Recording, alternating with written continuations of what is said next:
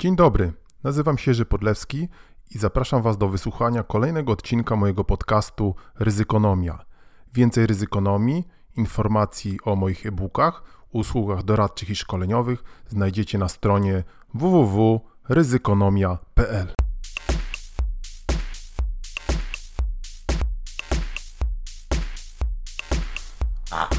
Dzień dobry, dzień dobry, dzień dobry. Tu kolejny odcinek podcastu Ryzykonomia. Trochę nas nie było, ale znowu jesteśmy. Odcinek 74. W ubiegłym tygodniu nie nagrywaliśmy, ale wiecie, czasami mimo tej swojej chęci opowiadania światu, dzielenia się swoją nieskończoną mądrością, która jest dzisiaj przecież tak bardzo popularna, to czasami się zastanawiam, czy powinienem się rzeczywiście dzielić, prawda? I czy po raz setny na którymś tam setnym kanale powtarzać to, to o czym wszyscy mówią. No ale pewnie razem ze Świnką dochodzimy do wniosku, że jednak warto i trzeba. Także dzisiaj znowu pewna porcja nowości. E, zaczniemy od kwestii organizacyjnych, jak zawsze polecamy, ale dziś możemy Wam e, polecić e, sklep ryzykonomii, księgarnię ryzykonomii właściwie. No właśnie, sklep, może tam zaczniemy jakieś artykuły ryzykonomiczne sprzedawać, jakiś survival, prawda? Survival się przyda. Um, survival się chyba przyda. He? Przetwornicę ostatnio sobie zamówiłem. Wiecie co to przetwornica? Może się przydać, może się przydać. Ostatnio nawet muszę powiedzieć, e, sąsiad gdzieś zaczęliśmy z nim rozmawiać na różne takie przygodne tematy i on zaczął się zastanawiać, a co to będzie, jak mu tam gaz wyłączą, jak on będzie się ogrzewał. No to są dzisiaj całkiem realne problemy, biorąc pod uwagę, co się dzieje na Białorusi. Y, I to może nie nawet w takim wymiarze, wiecie, jakimś strasznie survivalowym, bo oczywiście jeżeli wejdziemy na jakieś domowe survivale i tym podobne y, portale, to aczkolwiek jest tam sporo bardzo ciekawych informacji, szczególnie dla jakichś ryzykomaniaków, ale mm, albo i y, ryzykonomistów. Natomiast oczywiście to trzeba, tak mi się wydaje, podchodzić do tego z pewnym jednak z pewnym jednak e, dystansem, tak? No, później to będziemy tylko kopać, kopać kanały i jakieś nie wiadomo, mhm, nie wiadomo schrony robić, prawda? I, i tak dalej, i tak dalej. No. E, ale na ten temat też się a propos dyskusja na YouTube szczególnie ciekawa toczy, więc od czasu do czasu można sobie można sobie zajrzeć. Na przykład ostatnio, już takie wiecie, nie planowałem nawet trochę, ale to mi tak przyszło na myśl a propos tego mm, mm, przygotowania i, i survivalu. Taki ciekawy filmik ostatnio y, z kolei widziałem, który dał mi też do myślenia, bo taki pan e, trochę wyśmiewał, być może się z tym zetknęliście, taką e, koncepcję plecaków ucieczkowych i właśnie uciekania z miejsca zamieszkania. No i on twierdził, że właściwie gdzie wy chcecie uciekać i co będziecie z rodziną uciekać i co będziecie robić z tymi plecakami, będziecie mieszkać w lesie w 1939 też uciekali, a potem wszyscy wracali. No więc hmm, coś w tym jest. Y, coś w tym jest, yy, muszę powiedzieć, więc pewnie trzeba zachowywać jakiś taki rozsądny dystans, ale przecież i gdyby u nas była obrona cywilna, yy, to pewnie by radziła to, co radzą obrony cywilne w innych krajach, co radzi CDC i CDC, żeby mieć jednak jakieś, żeby być jakoś przygotowanym na wypadek awarii, na wypadek blackoutu, tym bardziej, że je, gdy słyszymy, co się dzieje na wschodzie, do tego jeszcze wrócimy, no to wiecie, no to może nie być całkiem takie nierealistyczne. No ale mieliśmy mówić o nowościach, a tutaj jak zwykle jakieś wtrącenia nam przychodzą do głowy. E, nowością jest e, księgarnia ryzykonomii. Zapraszamy Was e, do nabywania naszych e-booków. Do księgarni ryzykonomii możecie wejść przez naszą stronę, doskonale Wam znaną, mam nadzieję, a tym, którzy jeszcze nie znają, to zapraszamy ją na nią www.ryzykonomia.pl. Nie mylcie z ryzykomanią, chociaż ja wiem, że to można pomylić. Mm, można też się posłużyć moim nazwiskiem, to też stosunkowo łatwo znaleźć, ale ryzykonomia, wiecie co, mam wrażenie, że to jest chyba jeden z nielicznych, a może jedyny blok o ryzyku taki naprawdę, który się ostał przez te lata. Mm, zresztą blogów chyba też jest coraz mniej, to na pewno zauważacie. Y, tam są y, póki co y, e-booki, które już część z Was zna, ale mm, tak jak mm, obiecywałem, wkrótce znajdzie się, wkrótce to znaczy bardzo niedługo, myślę, że do końca stycznia, tam kolejny odcinek moich opowiadań, esejów, ale opowiadań w tym sensie nie opowiadań takich beletrystycznych, ale takie też będą pod tytułem Zombie, kontr Zombie kontratakują e, ostatni człowiek na Facebooku. No, taki frapujący tytuł. Jest to gotowe, tylko muszę to wyedytować i skonwertować. jeszcze do końca, bo to jest jednak pewne wyzwanie. Więc to się na pewno znajdzie tam i znajdzie się też gościnnie powieść wschodzącej gwiazdy polskiego thrillera e, pana Edwarda Waraksy, który, któremu e, udzielamy gościny na naszych stronach i który muszę powiedzieć, że napisał bardzo, można powiedzieć, profetyczną i Mm, już się sprawdzającą w wielu aspektach. To jest lekko przerażające, powieść sensacyjną pod tytułem Czarna Mgła. Czarna Mgła też niedługo w sprzedaży na naszej księgarni Ryzykonomii, także Was zapraszamy. Ale co tam będziemy się reklamować? My tu mamy przecież mówić o e, mamy mówić o ryzyku. No więc ryzyko jest, słuchajcie, ryzyko ciągle jest. COVID. Ostatnio obiecaliśmy, hm, nie, nie obiecywaliśmy. Ostatnio powiedzieliśmy, że nie, e, nawet się ucieszyliśmy, że nie będziemy mówić o COVID-zie. E, no trudno nie mówić, trudno nie mówić, bo to jest temat dzisiaj niestety bardzo ciągle nad czasie. Dzisiaj przekroczyliśmy 100 tysięcy ofiar. Przerażająca cyfra. Po weekendowym niewzmożeniu i różnych hołkach, połkach, w ogóle jak to nie zwać, czary, mary statystycznych, znowu wracamy na światową czołówkę zmarłych. Omikron mamy za Omikron mamy dosłownie za granicami, prawda? Tam po 200 tysięcy osób, gdzieś choruje w Niemczech po 60 tysięcy, we Francji chyba 200 tysięcy i więcej, a u nas plaża, prawda? Plaża w ogóle się niczym nikt nie przejmuje, to jest straszne. Ludzie to łykają. Dzisiaj w Wirtualnej Polsce był taki dosyć ciekawy artykuł odwołujący się do pracowania znowu ECDC, gdzie porównywano y, właśnie kwestie, no, kwestie covidowe między innymi to, jak Polska się tam znajduje. Znajduje się jak to zawsze e, bywa w, e, mogę powiedzieć zawsze, bo to nawet chyba jest pewien algorytm, a nawet na pewno e, w różnych rankingach europejskich. To znaczy zazwyczaj tam, gdzie my powinniśmy być na czele, to jesteśmy na końcu, a tam, gdzie jesteśmy na końcu, to powinniśmy być na czele. Tak, to mniej więcej. Zazwyczaj z, z, razem z Rumunią i Bułgarią, tak. Ale z tego, co słyszymy, to Rumunia jednak jakoś się tam stara. nie wiem, w czym my się staramy, tak. To ma, może mieć bardzo różne reperkusje i, i mamy reperkusje i gospodarcze, i przedłużania pandemii u nas. No, jak ktoś zauważył, no, na początku e, ludzi zniechęcono, zaszczuto, można powiedzieć, nawet tą całą ideę szczepień, zaszczuto, zniechęcono ludzi do idei. Pamiętamy, e, pamiętamy, prawda, ten pan, o którym tak celnie pan Żulczyk się wyraził, zniechęcał ludzi, jego cała ferajna, cały ten ruski ład. No i teraz mamy jak mamy i to się już e, nie zmieni. Ludzie e, są zdemoralizowani, nie będą nosić masek, nie będą się szczepić, za późno, można powiedzieć. Nie wiem, co mu się musiałoby zdarzyć, prawda? Czyli kto umrze, kto ma umrzeć, mm, ten umrze. Na marginesie ostatnio była też taka, mm, taka toczyła się głośna sprawa e, serbskiego e, tenisisty, prawda? Ja bym powiedział uderzacza gumową kulą, tak? Bo to tak wszystko pięknie brzmi, prawda? Piłkarz, kopacz gumowej kuli. Wybaczcie, że tak e, określam tych wielkich, sławnych e, sportowców, ale no to chyba już w ogóle nie jest sport, prawda? Te, te, te pieniądze, które są wypłacane tym super sportowcom, one są po prostu, nie wiem jak to nazwać, niemoralne, nieetyczne, grubo przesadzone, chociaż oczywiście idea gladiatorów zawsze była wśród ludu żywa, ale to, co się dzieje, to jest absurdalne dzisiaj, absolutnie. E, no właśnie, ten pan przyleciał sobie z Serbii do Australii i, i, się wepchnął w końcu, pamiętacie na pewno, słyszeliście o tym, e, bo to antyszczepionkowiec, niezaszczepiony w każdym razie. Może nie antyszczepionkowiec, odwołuje, prawda, bo to nie wiadomo kto słucha. Dzisiaj to w ogóle nie wiadomo kto słucha. Mamy wolność sława, prawda, ale szczególnie te różne takie środowiska są bardzo agresywne, co być może mm, doświadczyliście. Antyszczepionkowe, tak, to są tacy wolnościowcy, a jak ich na przykład ktoś zbanuje na Facebooku, prawda, z czego my się osobiście bardzo cieszymy, tak, bo uważamy, że nie ma mm, demokracji dla wrogów demokracji, nie ma wolności dla wrogów wolności, to oni zaczynają głośno krzyczeć o wolności, prawda.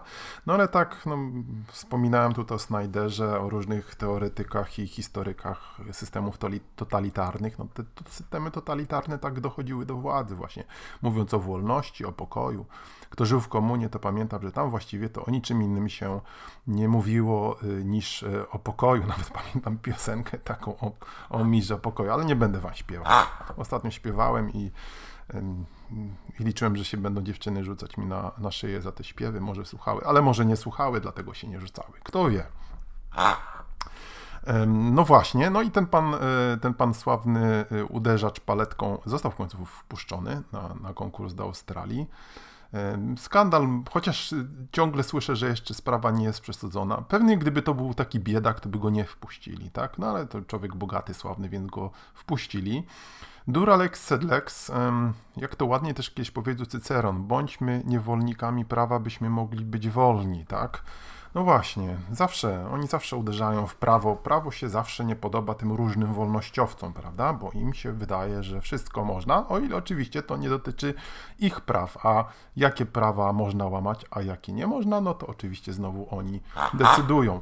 No i tutaj zresztą, no nie miałem tego w planie, ale muszę z wielką satysfakcją e, powiedzieć o wprowadzeniu tych nowych drakońskich, no nie drakońskich, ja bym dodał jeszcze po jednym zero kar na, za łamanie przepisów ruchu drogowego. Widać, wielki naród naród polski zwolnił, słuchajcie. Już słychać, że jest mniej wypadków, mniej ludzi zginęło i ja jestem prze pewny, przekonany, bo to jest prosty, po prostu prosto jak, prosto jak struktura kija, że będzie mniej śmierci, mniej e, mniej e, rannych, mniej strat dla gospodarki, mniej cierpienia, no same korzyści, tak? Jeszcze by do, bym dodał jedno zero i w ogóle zlikwidował wypadki na drogach. No ale to oczywiście nie przejdzie, bo znowu wolność, prawda? Bo wolność, przecież można sobie jechać, można rozjeżdżać dzieci przed przedszkolami, babcie, dziadków, wolność, prawda? No. Inflacja. Inflacja, słuchajcie, to jest oczywiście temat znowu wszystkim znany. Ja się inflacją zajmuję się z różnych przyczyn, nazwijmy to też i zawodowych od, e, od pewnego czasu. I zawsze było trudno ludziom tłumaczyć innym kwestię inflacji, prawda? No bo co to jest inflacja? Nigdy tej inflacji nie było. Takiej długie, dużej, znaczy nigdy w sensie w rozumieniu życia, szczególnie młodszych osób, prawda? No i mamy teraz, mamy eksperyment Ostatnia informacja o inflacji w grudniu 8, widzicie, aż pociągnąłem nosem, nie wiem, wiadomo, czy to po prostu łzy mi lecą. No nie, no właściwie nie lecą mi łzy, bo to jest jakaś taka ponura satysfakcja ekonom ekonomisty, że to prawo, które ja sobie gdzieś tam ukułem, właściwie nie wiem, czy ono jest moje, ekonomiczne, prawda, że ekonomia nierychliwa, ale sprawiedliwa. I okazało się, że ekonomia jednak działa. Zresztą niedawno, jak być może zaobserwowaliście, popełniłem taki, taki mem, właściwie opisałem go, bo mem był z internetu dotyczący ten, cen chleba i rzuciło się na mnie stado różnych hejterów, słuchajcie, udowadniając, że oni kupują chleb taniej, że gdzieś tam po 2,40 jest chleb, że po prostu, że w ogóle to jest kłamstwo, dlaczego ja tam literatury nie przytoczyłem i nie dokonałem jakichś pomiarów średniej ceny chleba w galaktyce w, w 480 miejscach. No absurdalne oczywiście, bo to jest po prostu zwykły mem.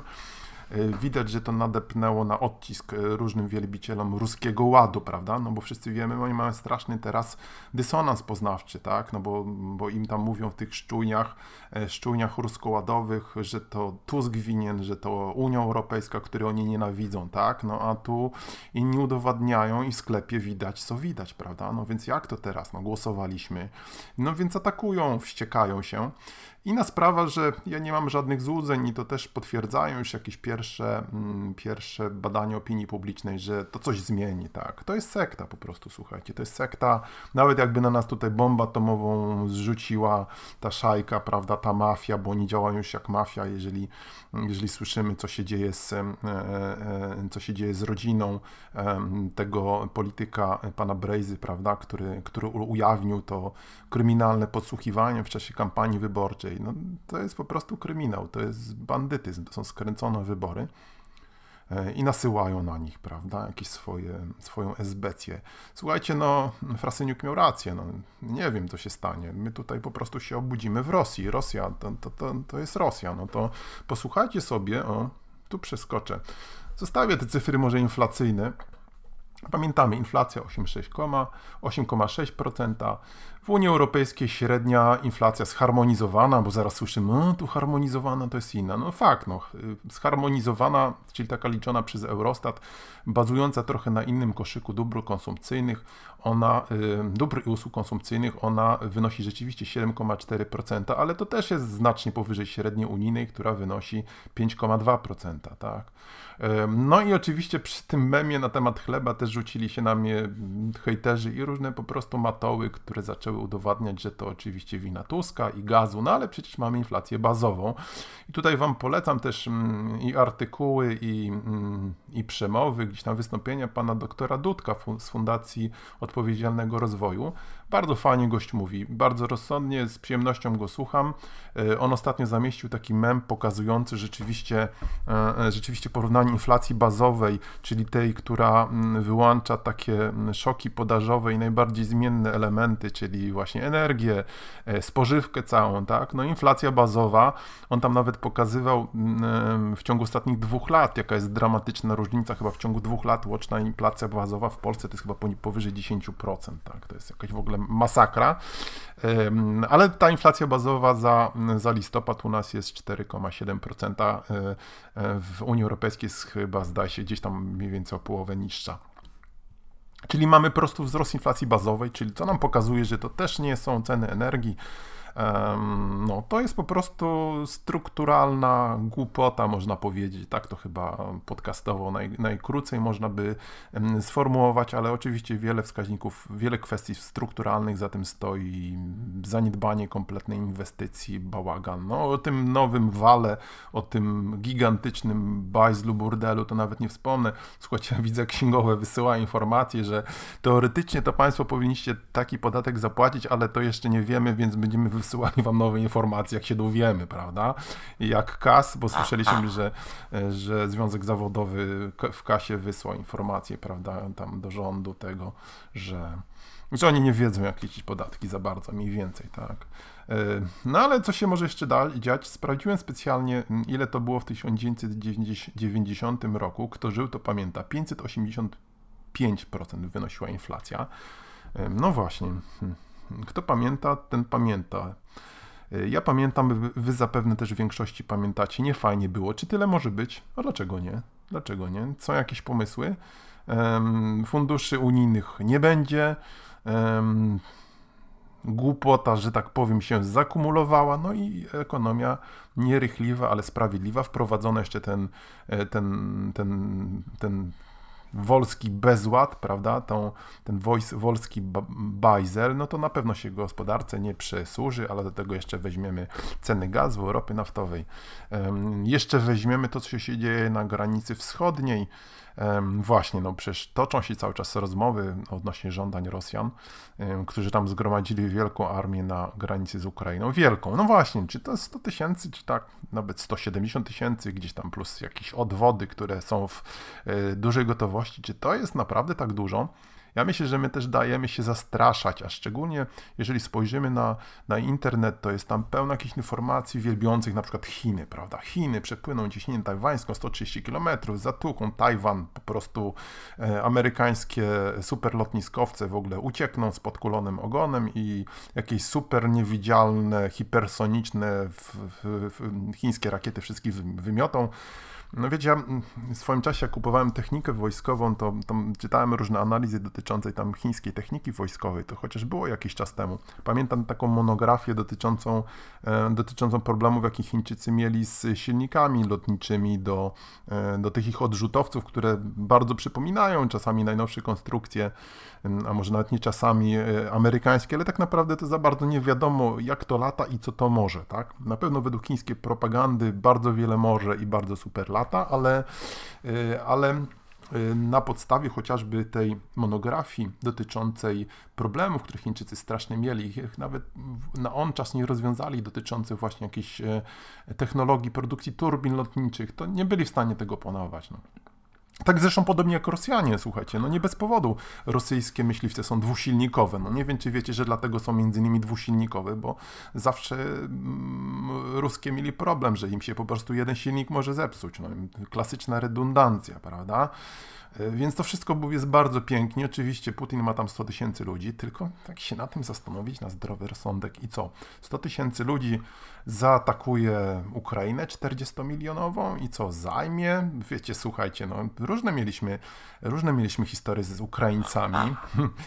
w kim nie płynie trochę ukraińskiej krwi, ale słuchajcie, to jest naród zadziorny, zadziorny, waleczny i może nawet Ruscy potrafią po nich przyjechać, ale co ty 100 tysięcy ludzi zajmie taki wielki kraj, nawet 200 tysięcy i no co wtedy ruszą na Polskę?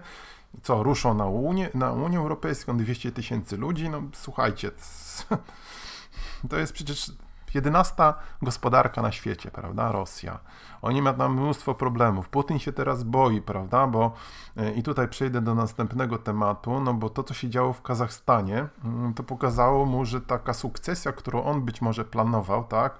Tam jak ten pan Nursultan Nazarbajew sobie wykombinował, że naznaczył swojego następcę, to nie wyszła, tak?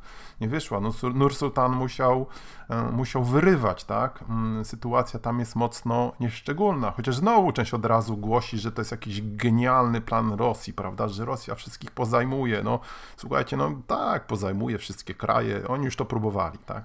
To dzięki bardzo e, mają po prostu worek pieniędzy i to logistycznie jest wszystko łatwo panować. Walka na 8 frontów, wszyscy ich wszystkich kochają. Więc ja mam co do tego po, po, poważne wątpliwości, nie umniejszając oczywiście znaczenia e, zagrożenia rosyjskiego, e, a szczególnie zagrożenia ich agenturą, ich działaniami, można powiedzieć takimi dywersyjno-szpiegowskimi, Y, których zawsze byli świetni. No tutaj Rybiada, te wareści zawsze pełen ukłon.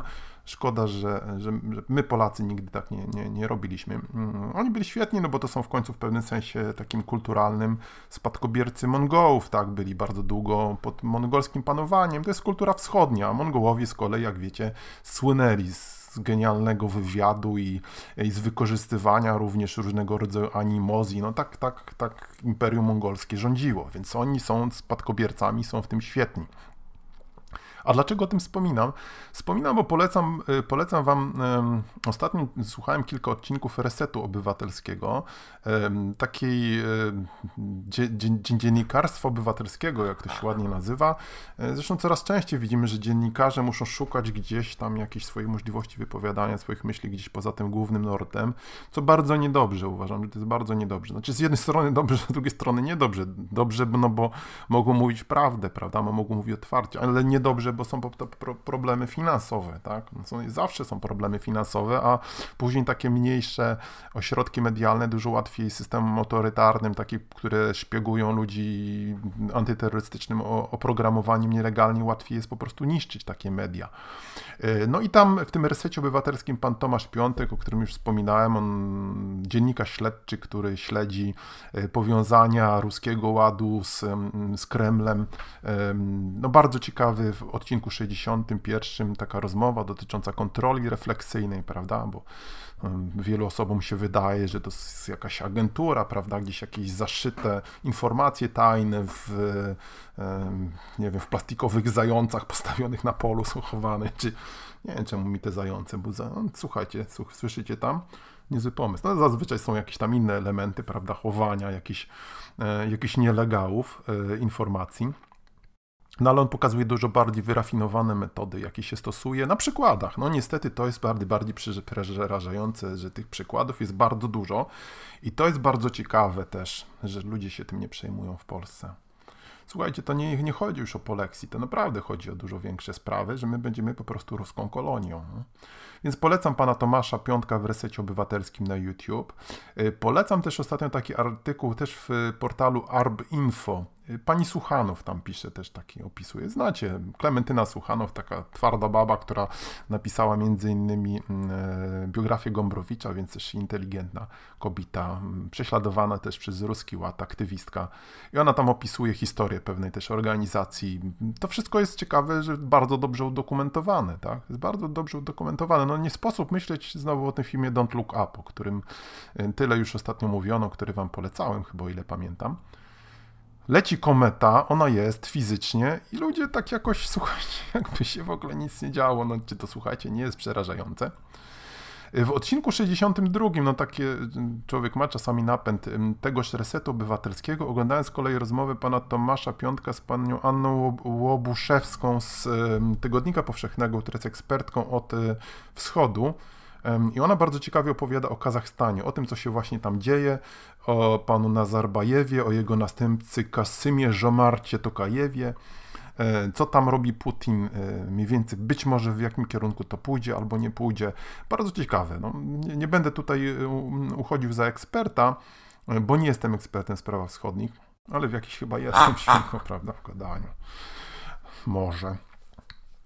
I może w pisaniu. Bardzo ciekawie mówi i, mm, i też analizują tam, na ile, na ile to może wpłynąć na sytuację na, na Ukrainie, ale jest bardzo ciekawy ten opis właśnie sytuacji, y, sytuacji w Kazachstanie, tak? I między innymi właśnie o tym mowa, jak tam mirotworcy rozweszli, prawda? Mirotworcy mi to tak ostatnio utknęło, bo widziałem gdzieś na, mm, na chyba jakiś Euronews, która nawiasem mówiąc podobno została nabyta przez jakąś węgierską firmę związaną z, e, związaną z Orbanem. Tak, tak, wyobraźcie sobie, tak gdzieś wyczytałem. No tak jak MOL, prawda? Ten, ten MOL, który kupuje teraz rafinerię gdańską, on jest tam, ma stacje benzynowe w Rosji w ogóle też jest dziwnie związany, prawda? No i tam na tym Euronews jednak widziałem, jak tam jacyś emigranci z Kazachstanu w Nowym Jorku protestują i zaraz się pojawiła ni skąd, ni zowąd jakaś starsza pani, która zaczęła wołać, że, że, że Putin to są mirotworcy, tak, mirotworcy. Pamiętacie tych mirotworców, ile oni w Polsce siedzieli, prawda? No właśnie, więc to też polecam, czyli Reset Obywatelski, Arbinfo. Mm, słuchajcie, mm, to nie tak, że jestem zwolennikiem teorii spiskowej, broń Boże, no, ale myślę, że sama właśnie koncepcja teorii spiskowej jest często używana, żeby ukrócić, ukrócić ludzką ciekawość, żeby żeby sflekować tych, którzy mają jednak trochę większą wiedzę, ale oczywiście teorie spiskowe kwitną, prawda? No, te informacje, o których ja Wam mówię, są bardzo dobrze udokumentowane, co możecie sobie sami sprawdzić, oglądając YouTube'a czy czytając po prostu te artykuły. A wiem, że i pan Tomasz Piątek, e, on publikował swoje książki i można je kupić chociażby na Empiku, tak? Zresztą wygrywał liczne, liczne procesy dotyczące, dotyczące rzekomych pomówień, tak. To jest trochę straszne, słuchajcie, o tym mówić, no ale jak my o tym nie będziemy mówić, to potem co, no, będę, rzeczywiście będziemy, to nam przyjdzie tylko uciekać z kraju, naprawdę, bo nas tutaj zniszczą. A, i jeszcze jedna rzecz na same zakończenie. Słuchajcie, jechałem ostatnio samochodem i słuchałem sobie takiej rozmowy chyba w TOK FM na temat książki Republika Samsung, czyli Samsung. Bardzo ciekawie to brzmiało, bardzo zachęcająco, aczkolwiek ta książka Keina Jeffreya, Republika Samsung była tam dosyć krytycznie przedstawiona, ale na pewno warta przeczytania, o historii firmy Samsung, tak? czyli dzisiaj wielkiej megakorporacji, gdzieś tam z światowego, światowego topu, zatrudniającej chyba 300 tysięcy ludzi i, e, jak rozumiem historię, skąd to się w ogóle wzięło. Takie nazwisko, słuchajcie, słyszeliście? Lee Byung-chul. No to założyciel Samsunga. W 1938 roku założył firmę Samsung, która zaczynała jeszcze od jakichś artykułów spożywczych, potem chyba ubezpieczeniami się zajmowała i gdzieś dopiero w latach 60., kiedy Korea weszła w elektronikę, w 70. już chyba, to, to, no to jest nieprawdopodobny koreański sukces jako państwa bardzo specyficznej kulturze.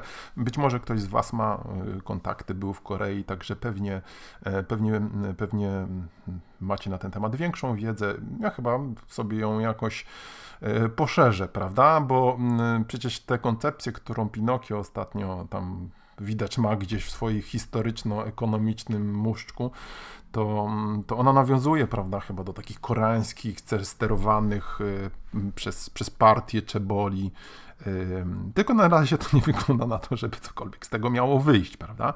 Bo tak jak zrozumiałem z tej rozmowy o filmie Samsung i w ogóle Korei Południowej, to, e, to są kwestie kulturowe i społeczne i kultury pracy, jak i w ogóle no, innych kwestii, które są tutaj bardzo ważne, co szczególnie widać, e, co szczególnie widać przecież jaskrawo biorąc, porównując Koreę Północną Północną i Koreę Południową, prawda? Jaka jest wielka różnica? Co prawda Korea Południowa jest oczywiście system, system kapitalistyczny, no ale właśnie, podobno E, podobno w historii Samsunga różne, różne były nurty i również w całym państwie koreańskim, więc to mogę Wam tylko polecić i sam pewnie jak przeczytam, to może się na ten temat e, wypowiem. E, I to byłoby dzisiaj na tyle. Żegnamy Was ze świnką, która nam tutaj daje jingle. O właśnie. No, wracamy wkrótce. Do usłyszenia, do zobaczenia. Czytajcie nas, zapraszamy do księgarni Ryzykonomii i na blog ryzykonomia.pl. Bye, bye, bye.